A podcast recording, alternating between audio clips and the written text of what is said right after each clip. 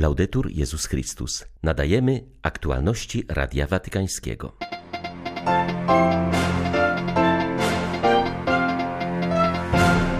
Współczucie to ślad Boga w naszym sercu, zauważył papież w rozważaniu podczas wczorajszego wieczornego czuwania modlitewnego na placu Świętego Piotra, na które byli zaproszeni wszyscy uczestnicy synodu o synodalności.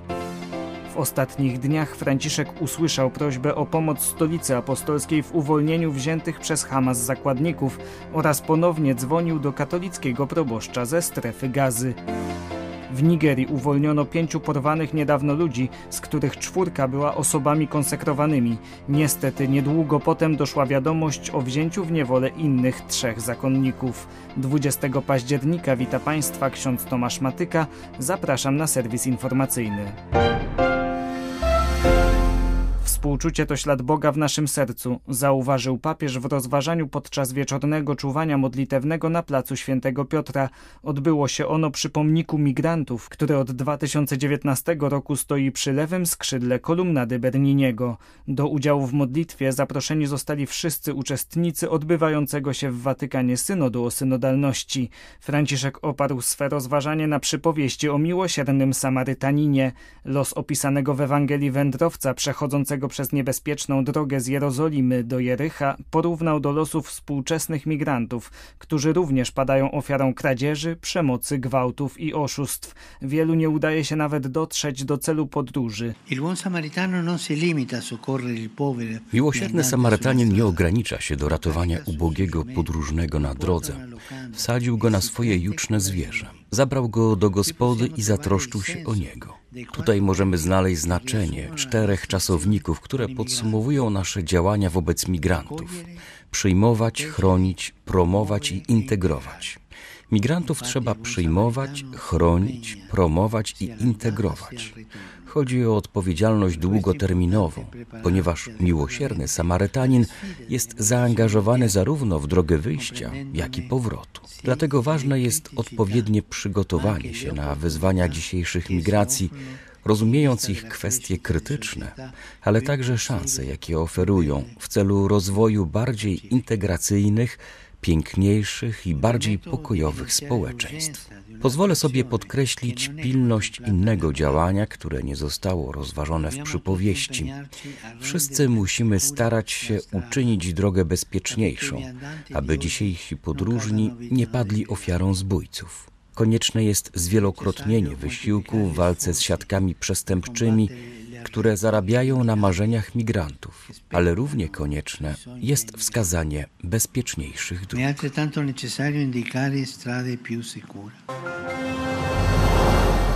Papież Franciszek w środę ponownie dzwonił do proboszcza rzymskokatolickiej parafii w Gazie, ojca Gabriela Romannelliego z Instytutu Słowa Wcielonego. Ojciec Święty jeszcze raz zapewnił, że modli się za nas i udzielił nam wszystkim błogosławieństwa, mówi duchowny w rozmowie z agencją SIR. Papież zachęcił ponadto do używania jedynej broni w rękach chrześcijan dla promowania pokoju, modlitwy. Prosił także, żeby szczególnie troszczyć się o dzieci. Ojciec Romanelli w tej chwili nie znajduje się w gazie, gdyż wybuch wojny został go w okolicach Betlejem i tam też utknął. Bardzo jednak pragnie wrócić do swojej parafii, która liczy około stu wiernych. Obecnie przebywa tam ponad 500 ludzi, wielu schroniło się w kościele po tym, jak stracił swe domy. Pośród bombardowań zginęli też ich krewni. Żyjemy w klatce otoczonej gruzami, mówi proboszcz parafii w gazie. Z kolei siostra Nabila Saleh, obecna w gazie, rozmawiając z Stevie Duemila, dodaje, że sytuacja jest bardzo trudna i wkrótce może już zabraknąć jedzenia. Potrzebujemy wszystkiego: jedzenia, ubrań, wody. Mówią, że wystarczy jedzenia w gazie jeszcze przez pięć dni lub nawet mniej. Wszędzie słychać huk bombardowań. Pozostajemy z ludźmi, ponieważ we wspieraniu innych widzimy naszą misję. Gdzie mielibyśmy pójść? To jest nasze poświęcenie się Bogu, dać życie za innych, zwłaszcza w trudnych momentach. Jeżeli przeżywamy z innymi piękne momenty, a zostawilibyśmy ich w trudnościach, to nie byłoby to nic warte. Apeluję do rządzących, aby te pieniądze, które wydają na bombardowania, rakiety, rzeczy wyrządzające ludziom krzywdę, dali potrzebującym kawałka chleba lub trochę wody. Żydzi proszą stolicę apostolską o zaangażowanie w uwolnienie porwanych przez Hamas zakładników. Wczoraj prośbę tę przedłożył papieżowi przewodniczący Światowego Kongresu Żydów. Prosimy waszą świątobliwość, aby użył swojej mocy dla uwolnienia zakładników. Możesz być jedyną osobą, która ma moralny autorytet, by to zrobić, powiedział cytowany przez agencję ANSA Ronald Steven Lauder. Wierzę, dodał, że Bóg na swój sposób przyprowadził nas tutaj, aby prosić Cię o to w imieniu wszystkich Żydów na świecie. Jak podał watykański rzecznik, wizyta przedstawicieli Światowego Kongresu Żydów w Watykanie została ustalona już na początku września. Nie jest więc związana z ostatnimi wydarzeniami w Ziemi Świętej. Odbyła się ona nazajutrz po inauguracji przedstawicielstwa Światowego Kongresu Żydów przy Stolicy Apostolskiej, co, jak podkreślono, wskazuje na głębokie więzi między światem żydowskim i katolickim. Ponowny apel o pokój w wielu zapalnych punktach skierował ekumeniczny patriarcha Konstantynopola. Bartłomiej I podczas swojej wizyty w Hiszpanii przypominał w środę o okrucieństwie wojen w Ziemi Świętej oraz na Ukrainie. Wspominając dobre owoce dotychczasowego dialogu katolicko-prawosławnego, nawoływał do wspólnych działań na rzecz wprowadzenia prawdziwego pokoju na całym świecie. Kiedy zastanawiamy się nad krokami, które podjęliśmy do tej zarówno na poziomie teologicznym, jak i poprzez duchowe orędownictwo, zwłaszcza z naszym bratem, jego świątobliwością papieżem Franciszkiem, na rzecz ochrony środowiska naturalnego, jasne jest, że wciąż mamy przed sobą długą drogę, aby świadczyć o Królestwie Bożym. Musimy nadal pielęgnować zasiane przez niego ziarna dialogu i współczucia. Nasza przywrócona jedność może być widoczna nie tylko w naszych rozmowach teologicznych, ale także w naszych wspólnych wysiłkach na rzecz pokoju, solidarności i pojednania na świecie. W związku z tym korzystamy z tej okazji, aby ponowić nasz niedawny, serdeczny i żarliwy apel o pokój na Bliskim Wschodzie. Region ten, który nie tylko dla nas, chrześcijan, stanowi Ziemię Świętą, ale jest nią też dla wszystkich trzech tradycji religii abrahamowych, został naznaczony straszliwymi tragediami i cierpieniem. Ponownie zaangażujmy się w proponowanie pokoju oraz sprawiedliwości na Bliskim Wschodzie, ale również na Ukrainie i na całym świecie. Niech naszymi wysiłkami kieruje światło wiary, mądrość Boga oraz bezgraniczna miłość, która łączy nas jako braci i siostry w Chrystusie.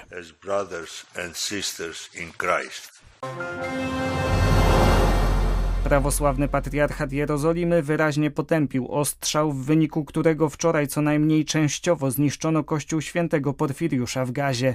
Pocisk trafił bezpośrednio w stojący obok, ale również należący do kościoła budynek, gdzie chroniło się około 50 wiernych. Są ofiary śmiertelne, nie mniej jak 16 ludzi. Miejscowi chrześcijanie winą za całe zajście obarczają siły zbrojne Izraela. Około 10 dni temu pojawiły się fałszywe informacje o zniszczeniu dokładnie tej samej świątyni. W obecnym przypadku wiadomość potwierdził jednak sam patriarchat. W swoim oświadczeniu instytucja podkreśliła równocześnie, że nie porzuci swojego religijnego i humanitarnego obowiązku zakorzenionego w chrześcijańskich wartościach, aby zapewnić wszystko, co niezbędne zarówno w czasach wojny, jak i pokoju. Atak na miejsce kultu potępiła również Światowa Rada Kościołów poprzez oświadczenie jej przewodniczącego, profesora Jerego Pilaja. Wśród przebywających dotychczas w świątyni palestyńczyków panuje ból, cierpienie i gniew. Słychać to w wypowiedzi jednego z nich, nagranej i opublikowanej na sieciach społecznościowych. 385 chrześcijan chroniących się w kościele. Sprzeciwialiśmy się zmuszaniu nas do ucieczki na Synaj.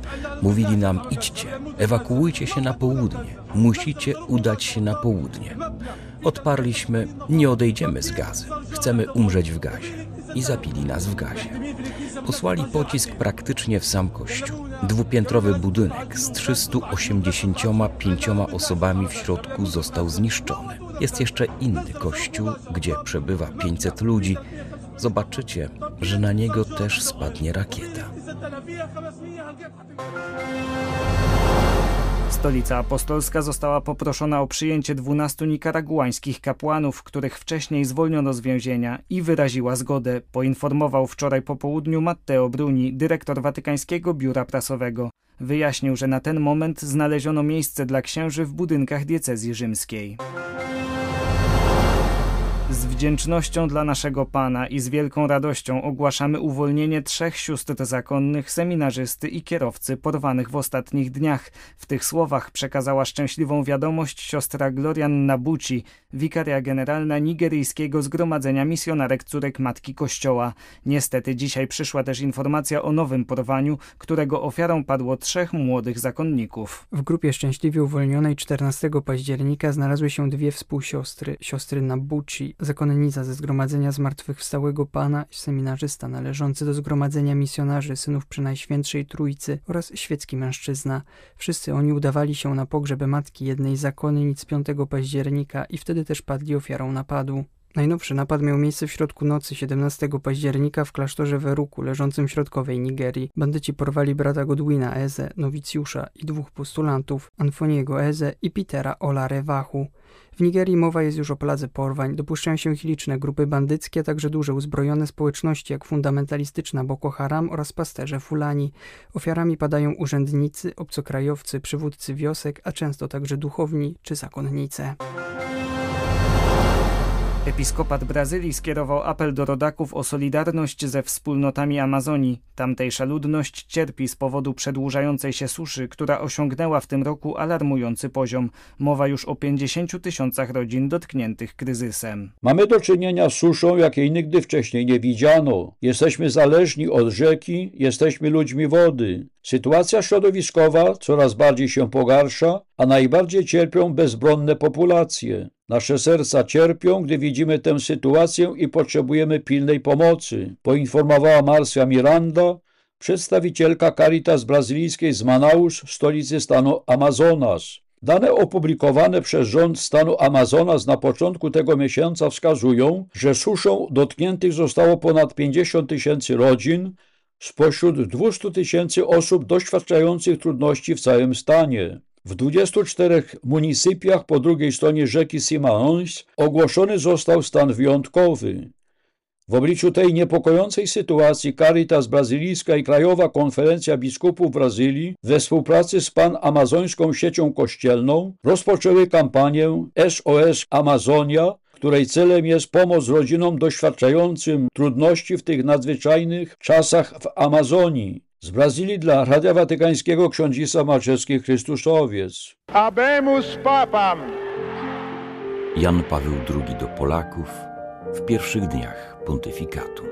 Bracia i siostry, moi rodacy, dzisiaj mówiłem o cnocie umiarkowania, czyli wstrzemięźliwości. Mówiłem po to, ażeby na nią zwrócić uwagę, po to, ażeby do niej zachęcić, bo cnota ta, albo inaczej mówiąc, sprawność, jest nieodzowna dla człowieka, który naprawdę chce być człowiekiem. Jeżeli nie mamy cnoty wstrzemięźliwości, jeżeli brak nam umiarkowania, bardzo łatwo pozbawiamy się ludzkiej godności. Wystarczy, że powiem tyle. Dodam do tego, że tej cnoty życzę wszystkim, każdemu człowiekowi. Życzę w szczególny sposób moim rodakom, bo właśnie my, Polacy, musimy w szczególny sposób być opanowani, umieć panować nad sobą. To panowanie nad sobą było zawsze warunkiem naszej godności narodowej i naszej niepodległości, naszej suwerenności. Kończę na tym. Te moje życzenia składam na ręce wszystkich, którzy mnie tutaj słuchają, a także wszystkich, którzy będą słuchali tych słów przez Radio Watykańskie lub też czytali w prasie. Były to aktualności Radia Watykańskiego. Laudetur Jezus Chrystus.